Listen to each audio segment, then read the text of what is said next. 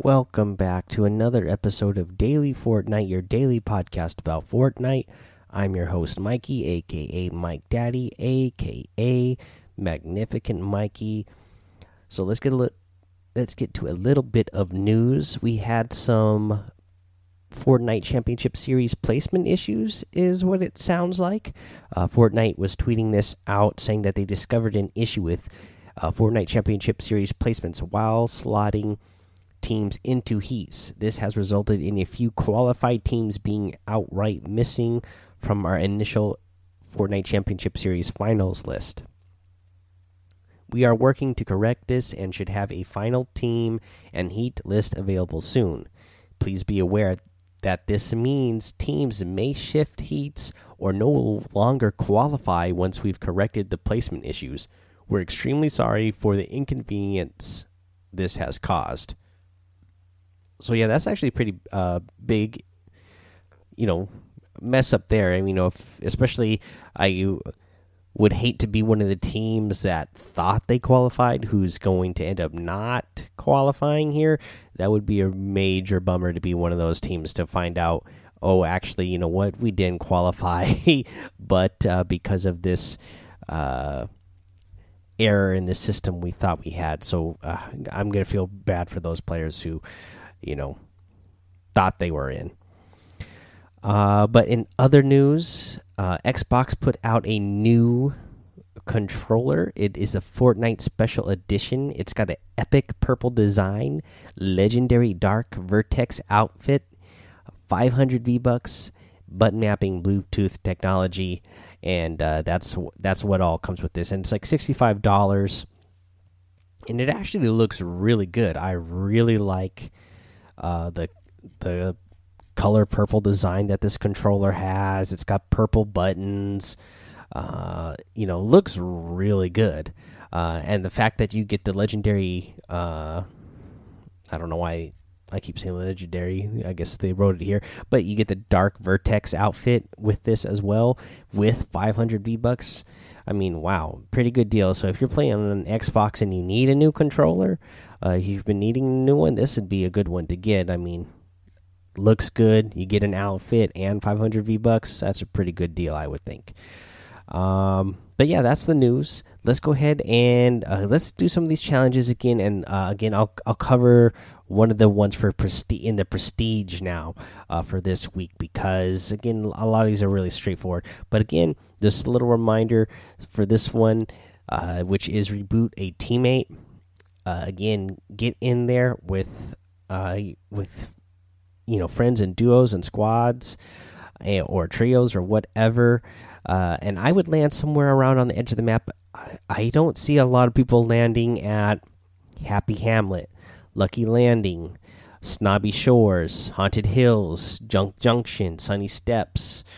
Um, those are all pretty good locations where you can just go land out there with your friends and, uh, you know, take turns, you know, farm some material, build up a big ramp, uh, eliminate yourself, uh, let your friends pick up the cards and then uh, reboot reboot you while you're there, and then you know your friends will do the same for you. You take turns uh, getting that challenge done. Now you know maybe you do happen to run into somebody while you're out there. Hopefully, you and your friend or friends, depending on what mode you're playing, will be able to defeat the other team and you know if somebody goes down in the process that's okay. You'll just let them time out so that you can pick up that card and reboot them. And boom there you go. You got the challenge done while having some fun getting some eliminations. But yeah those the, those i think are the best places to go to get this challenge done just because i don't normally run into a lot of people in those locations especially this season. People are avoiding those you know POIs out on the edge of the map more than even more than usual or in the past couple of seasons just because there's not as much mobility. So I think those are good places to get it done. All right, let's go ahead take a little break. We'll come back. We'll go over that item shop and our tip of the day. All right, all right. Let's go over this item shop. Once again, we have that payback outfit, which I absolutely love in the item shop. Still love this outfit. So cool. Uh, the chained cleaver harvesting tool is in here as well. We have the waypoint outfit and the uh, let's see here the Bravo leader outfit. Now both of these have new styles.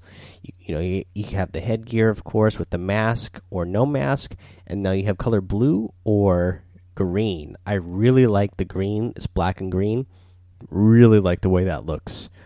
Big fan of that. Same thing with Bravo leader as well. Looks really good. Uh, you got the Tac Bats harvesting tool and the rivet wrap. Again, uh, just adding those new green selectables to the waypoint and the Bravo leader outfits uh, have really upped those outfits in my eyes. Uh, but we have the oppressor outfit in the item shop. And this is another one just really cool that comes in the default red color or blue. Just really really good looking outfit as well part of the domination set and this guy definitely looks like he dominates uh, comes with that exo spine back bling uh, always carry a spare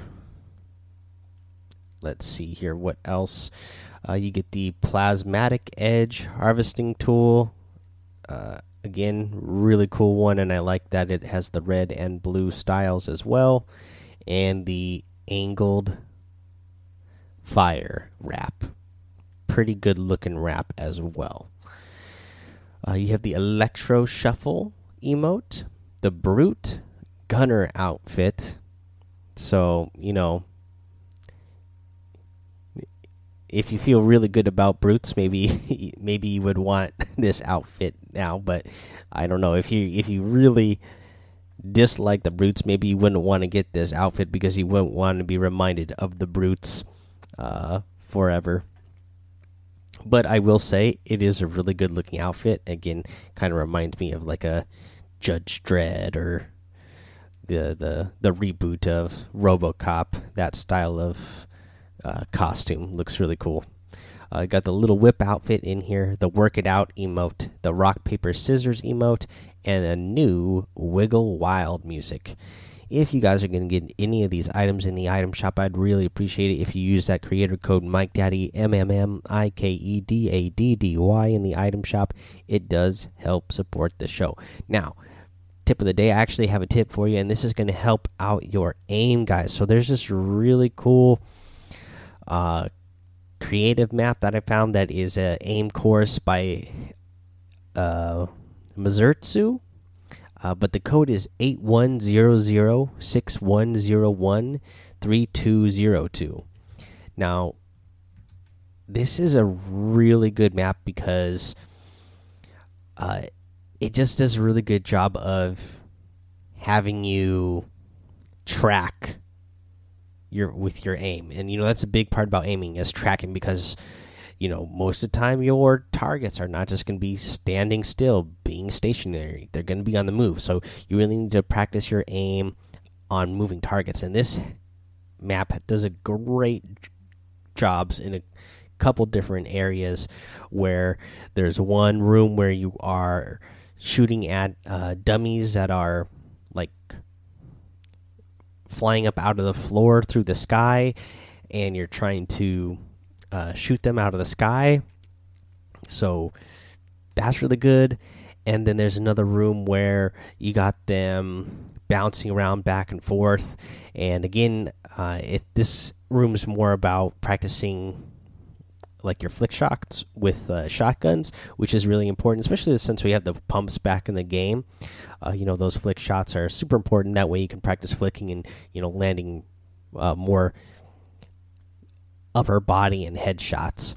Uh, but yeah, this is a really good one. Again, that code for creative, you know, go into creative, select one of the portals, and it'll ask you if you want to put input a number put the 810061013202 and that's the code for that uh, little creative map and it's just really good I, I you know i'll probably spend a couple minutes a day doing this just so i can start improving my aim because you know I, I you know i haven't really done any aim practice and this is even better than you know i've talked about KovaaK's in the past which is great for pc players you know we don't you, you can't you can't really get that on um, on console. So this is great for you console players out there who you don't really have a great resource out there to practice your aim other than actually playing the game.